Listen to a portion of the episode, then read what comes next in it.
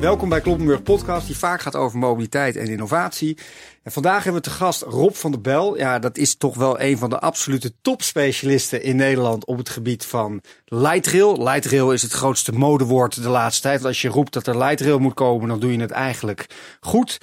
Uh, Rob van der Bel ben ik mee in Parijs geweest. Uh, daar heb ik meer mee onder de grond gezeten dan boven de grond. En die heeft mij werkelijk alles uitgelegd uh, tussen alle verschillende metro's, ROR's, tram, trein en weet ik veel wat allemaal. Rob, welkom. Fijn dat je er bent. Wat is jouw achtergrond eigenlijk? ik ben stedenbouwkundig. Ik heb ooit in, in Delft bouwkunde gestudeerd.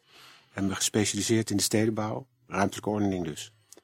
En toen kwam ik trouwens al heel snel erachter dat als je nadenkt uh, en ontwerpt over aan de stad, dat dan uh, ja, mobiliteit een enorme factor is. Maar dat, laten we dan eens doen alsof we bij de wereldrijd doorzitten. Wat moet er dan gewoon even heel snel volgens jou gebeuren? In de steden moet het autogebruik en het teruggedrongen worden. Dus het aantal auto's, letterlijk, rijdend en geparkeerd, moet drastisch omlaag. En wat moet er voor in de plaats komen? Daarvoor in de plaats moet nog meer gelopen worden en nog meer gefietst worden. En daar kom je er niet mee, want je moet ook lange afstanden doen en er is ook massavervoer nodig. Je gaat over grote aantallen. In plaats daarvan moet hoogwaardig openbaar vervoer komen. Voor een deel kun je dat met bussen doen.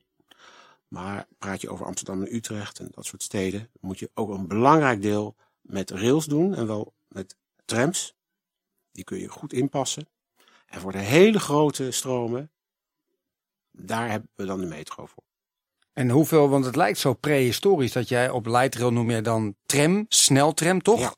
Dat lijkt zo prehistorisch, want we zijn eigenlijk al die dingen uh, rijden nu of heel langzaam of bijna niet.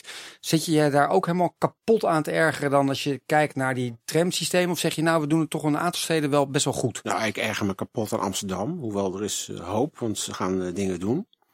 Ik werk wereldwijd hè.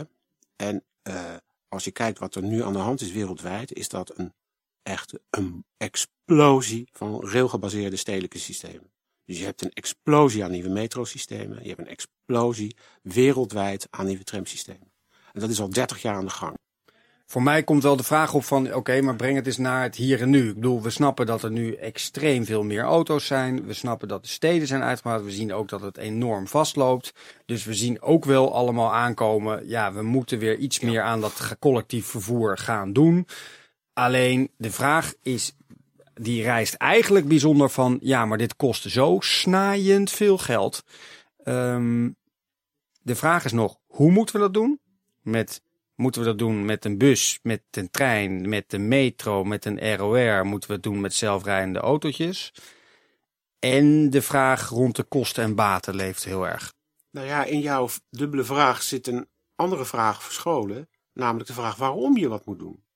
er is wel een soort opgave natuurlijk. En dan zeg je meteen in één adem, we, staan allemaal vast. Maar dat, dat vind ik, uh, ja, met alle respect, wat, wat onnauwkeurig. Hè? Maar wat moet je dan wel vragen? Nou, je moet je afvragen waarom we nu zouden moeten investeren in allerlei vormen van mobiliteit. Waarom moeten we dat doen? En als je de kranten leest of gesprekken hebt in, uh, op kantoren of in barren, dan, uh, dan zie je dat die vraag meestal beantwoord wordt, die waarom-vraag, omdat er files staan, omdat er congestie is. Ja, omdat de NMCA, de Nationale Meerjaren Capaciteitsanalyse, het grote verkeersmodel van het ministerie, allemaal zegt, we lopen steeds verder vast op weg en op spoor. En iedereen tettert het in de kranten. Meneer Van Bokstol, ja. uh, Alexandra van Huffelen van het GVB, ja, Bierman van het HTM. Ik bedoel, het is niet alsof het voor de luisteraars uh, niet te lezen is geweest in alle kwaliteitskranten van Nederland.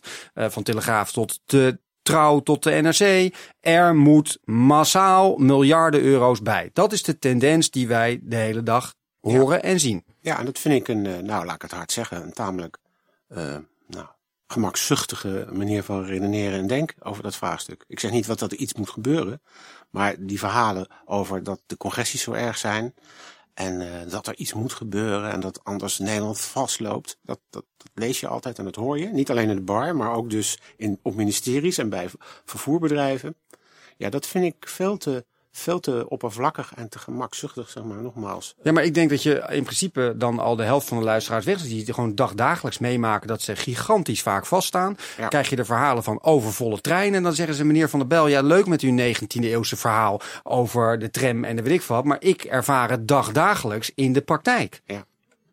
Ja, ik begrijp dat dat vervelend is als je in de file staat of in een overvolle trein zit. Eh, en ik ben het niet oneens om daar wat aan te doen, maar je moet wel het goede doen. En diezelfde mensen die daarover klagen, met, met, met, met mogelijk goede gronden, die, die, eh, ja, die moeten ook eh, belasting betalen. Dus uiteindelijk, wat we, als we heel veel ge- ge- geld gaan investeren, om dat links of om rechtsom, komt dat gewoon, betalen de burgers van Nederland dat. Ja. Dus dat schept wat verplichtingen om er goed over na te denken wat dan eh, echt goed is, wat handig is. Nou, en neem ons dan eens een keer mee. Nou, dan, Als ik met mijn blauwe envelop eh, dat er 10 miljard euro op tafel moet komen, of 50 of 100 of 5 miljard, gaat even niet zozeer om het bedrag. En ik ben een van degenen die dan 50 euro extra op mijn blauwe envelop heb staan. nou ja, laat ik het afpellen, zeg maar, als een soort ui. Zeg maar, de, de buitenste schil is van die ui, die mobiliteitsui, is, dat zijn de auto's, het autosysteem. En eh, wat afgelopen 30 jaar, en de plannen die zijn ook voor de komende jaren op een vergelijkbare manier ingericht, eh, stond dat in het teken van het uitbreiden van de wegen. Vergroten van de capaciteit. Eh, afgelopen 30 jaar ongelooflijk veel nieuwe wegen en nu hoofdzakelijk in verbreding van bestaande wegen. Als je kijkt naar de, de verwachtingen en de beloftes waarmee die plannen eh, werden gerechtvaardigd en uitgewerkt, dan zie je dat dat van die verwachtingen en beloftes helemaal niets, maar dan ook helemaal niets is uitgekomen. Want telkens was de belofte, ja, we gaan het oplossen, de files verdwijnen, u komt sneller op uw werk enzovoorts. En eerder is het omgekeerde gebeurd. Eh, mensen, de filesomvang is eerder groter geworden. En de, eh, de reistijden zijn, nou, aan de, aan de langere kant geworden, laat ik het zo zeggen. Ja, en dan, maar dat is het andere argument natuurlijk. Ja, maar als we het niet hadden gedaan, dan was het nog veel erger geweest. Ik zal, het is een lastige, want je moet, eh, Nou, ik bedoel, ik vind het wel belangrijk. Je bent de topspecialist daarop. Dus als we het niet hadden gedaan, al die verbredingen, dan zegt de gemiddelde Nederlander toch. Nou ja, dan had ik nu niet de 40 minuten over gedaan, maar dan had ik er het dubbele, Nee, nee. 80 minuten Nou, over gedaan. Dat denkt iedereen. Ik had ooit wel eens een, een discussie met iemand over de A12. En een oude ambtenaar, hij is al jaren met pensioen. En die zei toen, hè, eh, hadden we de A12 hè, tussen eh, de Randstad en de Duitse grens, hadden we die niet moeten a- eh, aanleggen. En hadden we het Amsterdam-Rijnkanaal niet moeten verbreden. Dat soort discussies hadden we toen. Dat was in de jaren 70, kan me nog goed herinneren. En toen was het antwoord, ja natuurlijk hadden we, hebben we dat moeten doen, want anders was Nederland economisch gestagneerd. Dus natuurlijk hebben we in ons autosysteem en in onze andere mobiliteitssystemen moeten investeren. Maar om die mobiliteit per auto mogelijk te maken, moesten we een heel nieuw eh, autosnelweg uit de grond eh, stampen. En dat is gebeurd tussen, zeg maar, pak een beet 1950 1990.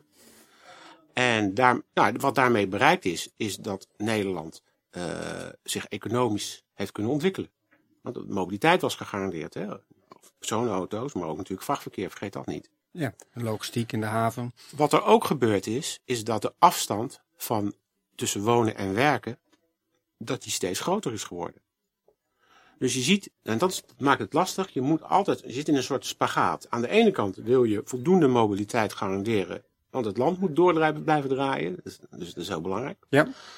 Terwijl je krijgt, hoe dan ook, zeker in die beginfase dat je zo'n heel autosnelwegnetwerk aanlegt, allerlei bedoel- onbedoelde neveneffecten. De belangrijkste is wel die schaalvergroting. Die afstanden worden groter. Mensen gaan gewoon zich veroorloven om een wat mooier huis in het bos ver weg van de stad te kopen, want ze komen toch wel op hun werk. Nou, waarom zitten we nou, en daarom zitten we hier ook over te praten?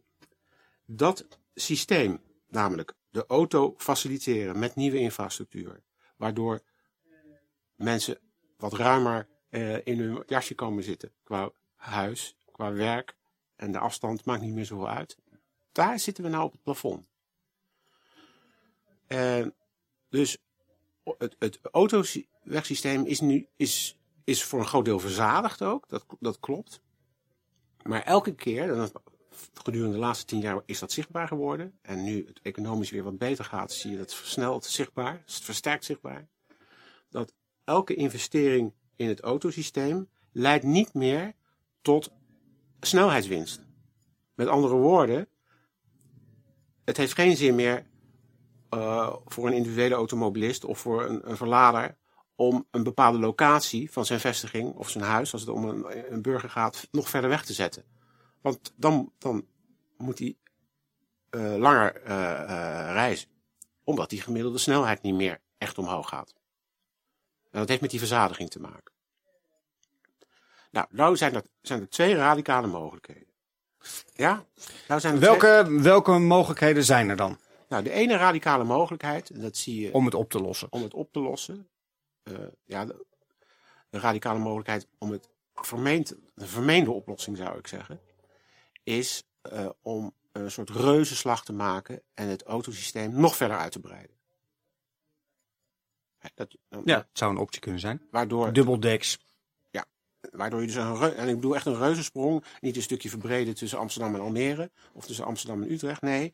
Je maakt gewoon een, bijvoorbeeld met dubbeldekswegen een, een, een soort super uh, uh, snelwegstructuur. Ja, zoals Bangkok doet. Die maakte dubbeldeks snelweg. Jakarta heeft dat volgens mij ook. Dus dan ga je echt gewoon dat ja. systeem nog eens een keer volle bak ja, het zijn, leuk, het zijn leuke voorbeelden. Ik heb, ben daar vaak geweest, heb daar ook gewerkt. En je ziet dus dat het daar niet werkt, want nu staan die steden helemaal vast. En historisch voorbeeld is uh, Los Angeles en Atlanta, dat soort Amerikaanse steden, waar ze die super schaalsprong voor een deel ook hebben gemaakt al in de jaren. Ja, eigenlijk heb je hier in Amsterdam, uh, als je kijkt naar de A5, dat is al de, de, de eerste snelwegen die echt aan de bovenkant uh, ja. verhoogd zijn. En de onderkant ligt eigenlijk ook gewoon al een wat oudere snelweg nog met een stoplicht. Maar ja. daar begint het al te komen. En in Rotterdam heb je ook al plekken dat, je, dat het toch gewoon gebeurt. We doen altijd net of het alleen in Bangkok gebeurt, maar het is hier gewoon ook aan de gang. Nee, en de verbreding Amsterdam-Utrecht, dat stuk ter hoogte van Breukelen, dat is, er is nergens in Europa zo'n brede snelweg. Dus in die zin hebben we daar ook al aan gewerkt. En werken we er nog steeds aan. Want uh, nu hier zitten te praten, uh, wordt er hard gewerkt aan de A9 in Amsterdam. En de A2, uh, A1, sorry, uit richting Amersfoort. Dat is ook helemaal verbreed, hè? ongelooflijk. Dat is nu het allerbreedste stuk in, in, in, in Europa. Ja, is het zo? Ja, dat is ongelooflijk, ja. Oh, dat wist ik ook niet. Ik dacht echt als je de Rome inreed of Parijs of weet ik wat, dat nee. dat breed... Nee? Nee, nee. Nee, Nederland slaat nu echt alles. ja, grappig hè? dat grappig. Ik, ik, vind het persoonlijk tragisch. Omdat er, het is geen oplossing. Omdat, omdat er, ja, het, het, uh, uh, kijk, wat er gebeurt er met die auto's? Hè? Ik, ik heb een stedenbouwkundige achtergrond. Daarom kijk ik daar misschien anders, iets anders tegenaan dan iemand die autotechnologie in Eindhoven doseert. Waarom zie je dan de oplossing 1 met die wegen uiteindelijk toch niet zitten? Omdat het niet haalbaar is financieel, ruimtelijk en planmatig. En omdat het niet haalbaar is, omdat daarmee uh, met zo'n systeem de hele steden overhoop worden gehaald. En helaas is dat voor een deel gebeurd al. Ja, wat zie jij dan de, de, de slechtste voorbeelden daarvan?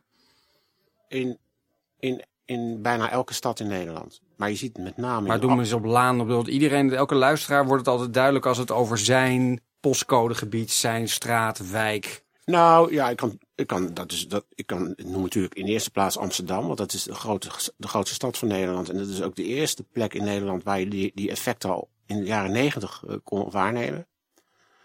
Uh, maar met dat de, uh, de A2 tussen Amsterdam en Utrecht breder is geworden, en nu de economie is aangetrokken, nemen de files in, de, in straten als de Overtoom in Amsterdam ja, dat is enorm toe. Ja.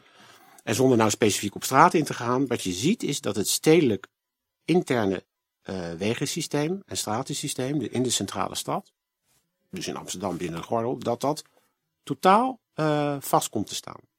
En dat zie je ook in Utrecht. Maar je ziet het ook uh, in een stad als Den Bosch. Ik had laatst met iemand van de provincie Den Bosch daar een gesprek over. En die zei, ja, ik, ik, ik werk in, in Utrecht. Ik woon in Den Bosch. En als ik de stad uitrijd, dan heb ik een groot probleem. Op de snelweg valt het wel mee. Ja, dan, hij noemde wel een paar files, maar hij zei, maar dat is het probleem niet. Ik kom de stad niet uit en, en ik kom er niet in s'avonds. En dat, en dat is een heel gecompliceerd probleem. En dat wordt verergerd op het moment dat je de doorstroming op het snelwegsysteem en het overige autosysteem tussen de steden, als je daar, daar de capaciteit vergroot, dan uh, geef je de druk, uh, uh, neemt toe op het interne autosysteem. Oké, en dan gaan we iets meer richting de oplossingen. Van waar zie je dan wat je zei? 2-1 is een radicaal iets van misschien een megasprong rond extra snelwegen. Maar uiteindelijk zeg je dat zie ik niet zitten. Wat zie je dan op de, als tweede optie? Nou, de tweede optie, daar, die is meervoudig. En het eerste wat bij die tweede optie hoort, is dat je het uh, autosysteem stabiliseert. Dus dat, heb je, dat zie je altijd in, in, in de mobiliteitsontwikkeling uh, uh, en, en, de bijbehorende technologieën. Je hebt een bepaald systeem. Bijvoorbeeld het straalvliegtuig is zo'n leuk voorbeeld. En nou, dat heeft een enorme schaalsprong in de, in de mobiliteit tussen de werelddelen en tussen de grote steden mogelijk gemaakt. En dan, ja, dan krijg je een soort jongensachtige enthousiasme daarover van we gaan het nog beter maken. En wat was dat antwoord? Dat heette de, de Concorde. Want we hebben nou mooie straalvliegtuigen, was de redenering. Maar als we nou een super straalvliegtuig En die ging top. En ja, not. Maar, maar not dus. Want het bleek toch wel dat daar heel veel haken en ogen aan zat. Qua kosten en geluid. Dus uh, het was heel duur om ermee te vliegen. En het geluid was verschrikkelijk. Als je in boven Londen woonde aan de westkant. Dan, uh, ik zat een keer Wimbledon te kijken toen ik daar een tijdje was. En, uh, en dan hoorde ik hem al overkomen. En dan zei ik, ja, over een minuut is hij hier. En ja, dan hoorde je hem. Nou, horen, dat was een ander statement. Je verging van het lawaai, terwijl die dus echt wel hoog zat. En ook qua businessmodel kwam het helemaal niet uit, hè. En ook technologisch zaten de haken aan de ogen. En nou, we weten hoe het afgelopen is met een tragisch onder, uh, ongeluk bij Bourget. Ja. En het was afgelopen. En niemand praat er meer over. En je ziet trouwens, nou dat zeg ik nou wel, maar je ziet nu een vergelijkbare ontwikkeling met de supergrote Boeings. Die A380, die verkoop is niet van de grond gekomen. En dat is bij eenzelfde. Dus ik wil zeggen, je hebt een bepaalde technologie voor een bepaalde mobiliteit. En die is op een gegeven moment uitontwikkeld, die zit aan zijn plafond. En dan moet je er niet vanaf. Dat, dat zeg ik, hoor je mij niet zeggen. Maar dan moet je, dat moet je beseffen. En dan moet je het stabiliseren en verbeteren. Bijvoorbeeld veiliger maken, noem maar iets. En kostefficiënter maken. En beter inpassen. En minder schadelijk. Zo moeten we tegen. Dat is het eerste element van die tweede optie. Ja, en dan zeg je, we hebben nu 9 miljoen auto's, dus dan moeten we het ongeveer ophouden. Of we moeten naar 8 miljoen of naar 10 miljoen. Maar jij zegt in principe, nu staan we, er staat al 1000 kilometer file. En op het onderliggende negen wegennet ja. staat het ook al helemaal vast. Ja, en ik zeg dus impliciet ook, die files moeten we helemaal niet gaan oplossen. Hè? Dat nee, is precies. Een radicaal uh, gevolg van die redenering. Want als je ze gaat oplossen, dan blijf je weer het oude systeem oppompen. En de, steden, en de problemen van, qua ruimte en overlast verdubbelen dan. Verdubbelen, ja. ja. Nou, dat op zich zouden we daar ook een hele middag over kunnen praten wat je met het autosysteem zou moeten doen. Dus maar ik, ik geef les, weet je, in Gent. Hè? Uh, als wat? Als gastprofessor op het gebied van mobiliteit en ruimte. En dat is een van de onderwerpen. Van hoe moeten we nou met dat autosysteem verder? En als je dan inzoomt uh, op de steden, dan, dan kom je wel tot de conclusie dat uh, het aantal auto's in dat stedelijk gebied, en dan bedoel ik het aantal rijdende auto's, of vaak stilstaande auto's, en het aantal geparkeerde auto's, dat moet drastisch naar beneden. Oké, okay, maar dan gaan we dus naar de tweede stap toe. Ja, en wat dan wel? Ja. Meer lopen, meer fietsen met OV. En dat kost allemaal bakken met geld, het OV. Ja, maar ik zou zeggen, uh, we moeten eerst naar het lopen kijken. Als we de steden zo inrichten dat je meer kunt lopen, beter kunt lopen en dat het, dat het ook doelmatiger is en doeltreffender. Dat je prettig loopt, wil ik maar zeggen, en dat je met het lopen ergens komt. Ja, dan ben je al heel wat. Dus de, dan denk je, ja, logisch. Nee, helemaal niet logisch, want lopen wordt, is, wordt nog niet eens erkend als officiële mobiliteitscategorie. In Nederland niet. En ook in andere landen vaak niet. Dus lopen wordt ongelooflijk onderschat. Dus dat zou één ding zijn. Daar kunnen we ook heel veel over vertellen, maar om dat even goed vast te stellen. Vervolgens uh, moet je kijken naar het fietssysteem. Nou, daar gebeurt gelukkig heel veel. En daar kan heel veel mee. Alleen, er zitten twee bezwaren aan. Het eerste bezwaar is, is dat de rijkwijde van wat je met een fiets kan doen, is beperkt. Ook al is die elektrisch. Uh, Ja, je kan gewoon een bepaalde. eh, Die fiets heeft een bereik, ja, en dan eh, dat is eh, zo'n drie kilometer. Ja, die grap wilde ik net niet maken met het wandelen, maar dat is natuurlijk idem dito. Ik, kan wel gaan proberen van, eh, aan, van weet ik veel, Almere naar Amsterdam te wandelen, maar dan duurt het wel heel lang voordat ik op mijn werk ben. Nee, maar wat, wat wel mogelijk is, is dat je van je woning naar station Breda wandelt als je op dat station woont. Want dat is namelijk een station in Nederland waar woningen bovenop staan. Ja, oké. Hè? En dat, waarom hebben ze dat gedaan? Nee, maar dan omdat, bedoel je Omdat dat- het dan wel een loopafstand is. Ja, dat, maar dan bedoel je gewoon de combinatie van wandelen en collectief vervoer, fietsen, collectief vervoer. Nee, in, het geval, in dit voorbeeld doe ik dat je. Dat is een, dat, ik, ik, ja, sommige mensen vinden het een heel lelijk station, laten we het daar niet over hebben. Ik vind Ja. het een heel mooi station overigens. Maar ik vind het vooral ook. Ik vind hem knallend lelijk. Oké, Dat maakt niet uit. maar hoe zeg je dat? Lekker belangrijk. Daar gaat het helemaal niet om. In, althans, eh, voor dit gesprek niet Nee. natuurlijk. Hè? Het gaat erom van hoe richt je slim mobiliteit en ruimte in onderlinge samenhang in. Hè? Dat is de rode draad. En dan is het natuurlijk hartstikke goed als je bepaalde voorzieningen, kantoren, winkels en woningen zo situeert dat ze op loopafstand van elkaar en van belangrijk OV-knooppunt liggen. In dit geval letterlijk daarbovenop. Logisch, ja. Nou, en je ziet, dat, en, dan, en er gebeuren hele goede dingen in Nederland al wat, dat, wat, wat dit betreft. Want alle grote stations en ook in het kielzog daarvan de kleinere stations, zie je dat die veel beter geïntegreerd zijn eh, in de stad. Niet om ze te verplaatsen of zo, maar nee, om de stad meer naar die stations te halen. Dat is al vanaf de jaren negentig wordt daar aan gewerkt. Dat is heel erg goed. En, en, en dat dat kan is omdat het lopen zo belangrijk is. Maar dan moet je het wel faciliteren. Dus dat, nou, met fiets kun je nog iets meer, want met die fiets kun je substantieel verder weg eh, eh, dan, met de, dan te voet. Maar goed, daar zit ook een beperking aan, dat kan je je voorstellen. Dat is één beperking, de rijkwijd. De tweede beperking is, is het ruimtebeslag. Je weet al, op het moment dat als het heel erg druk wordt in een bepaalde straat, dat dan op een gegeven moment levensgevaarlijke situaties kunnen ontstaan eh, eh, in voetgangerstromen. Nou, dat heb je bij popconcerten en zo. Maar je hebt dat nu ook in bepaalde eh, delen van Amsterdam Centrum. En nou, nou, dan ga je dat beheersen. Dat dan crowd control en noem maar op.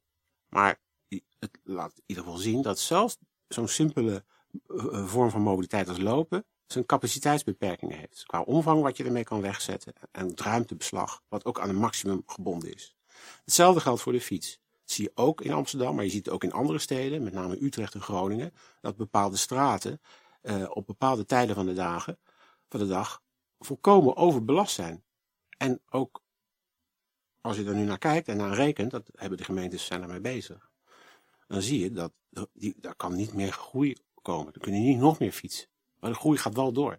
Dus we hebben een, een uitdaging. Ja, het is eigenlijk dezelfde dingen die je bij de auto's ziet, zie je dan op Ja. bepaalde stukken bij de fietsen ook Op terug. bepaalde schaal, ja.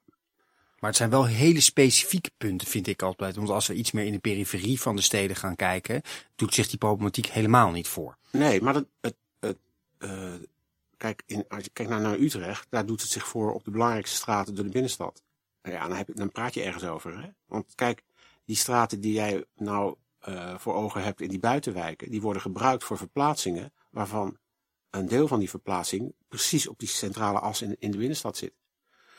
Dus zeg maar, het hele systeem raakt ontwricht als op een gegeven moment het belangrijkste onderdeel, het centrale onderdeel van het netwerk, niet meer goed functioneert. Dat zie je met het autosysteem, zie je met het fietssysteem, soms zelfs ook met het loopsysteem.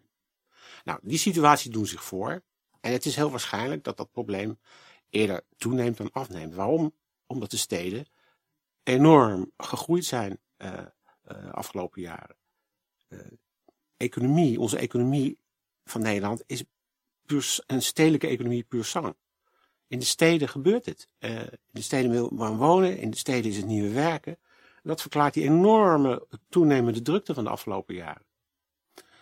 Dus we hebben inderdaad wel een grote opgave, namelijk hoe kunnen we die groei die er is, die onze welvaart uh, bezorgt, hè, die Nederland een, een goed en prettig land maken, hoe kunnen we die, hoe kunnen we dat garanderen op een, op een efficiënte en ook op een eerlijke wijze? Ja, nou, nou komen we tot de Eureka de oplossingen van de grote contra-expert Rob van der Bijl. Wat moeten we wel doen? Ja, het gemakzuchtige, grappige antwoord is light rail. Maar dat denken ze dat men- mensen denken altijd als ja, dan zit, nou gaat die light rail. Ja, zeggen. nu gaat hij Leitrail noemen. Nou Nee. komt het uit het heel lange intro van dit hele gesprek. En nu komt die Leitrail. Zeg het maar zachtjes in de microfoon. Leitrail. Nee, mensen. nee, de- we hebben nodig eh, een eh, bovenop die dingen die we al hebben, fiets, lopen, auto, moeten we aanvullend een, een, een, een, een, collectief vervoer eh, realiseren waar grote stromen mee eh, weggezet kunnen worden. En daar hebben we verschillende middelen voor. En light rail is daar één van, maar niet de enige. Maar neem me dan even gewoon mee van waar vind je dan dat Leitrail wel zou moeten en waar juist niet. Waar moet het busje wel komen en waar moet de tram. Dus neem eens iets meer mee Nou. in wijken, buurten, nou, projecten. Mijn favoriete voorbeeld is Utrecht. Eh, omdat je daar kan zien, dat ik net al zei, dat eh, de voetgangerstromen, de fietsenstromen, daar eh, op die centrale binnenstadsas, eh, Vredenburg, Neuden, Ja, dat die, ja, dat, dat die aan zijn eh, taxi is gekomen. Kijk, wa- waarom praten we hierover? Omdat we het autogebruik in de centrale stad heel substantieel moeten terugdringen. Daarom praten we hierover. En daarom komt die opgave voor het OV er ook aan.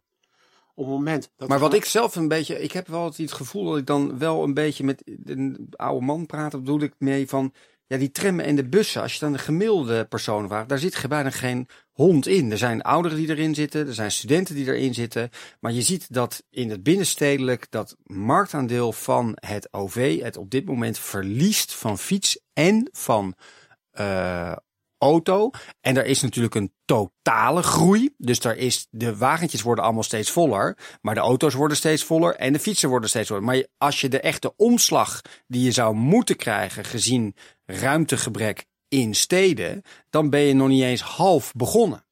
Nou, dat laatste is misschien waar. En daarom is het des te urgenter, zou ik zeggen. Ja, Precies. toch op. Dank voor het luisteren naar deze Kloppenburg podcast. Als u een reactie wilt geven, eh, eh, heel graag op geert.geertkloppenburg.nl. Kan ook via Twitter of via LinkedIn. Ehm, hij is gratis te beluisteren via BNR, via iTunes of via www.geertkloppenburg.nl. Geeft u vooral feedback. Eh, dank voor het luisteren en graag tot een volgende keer.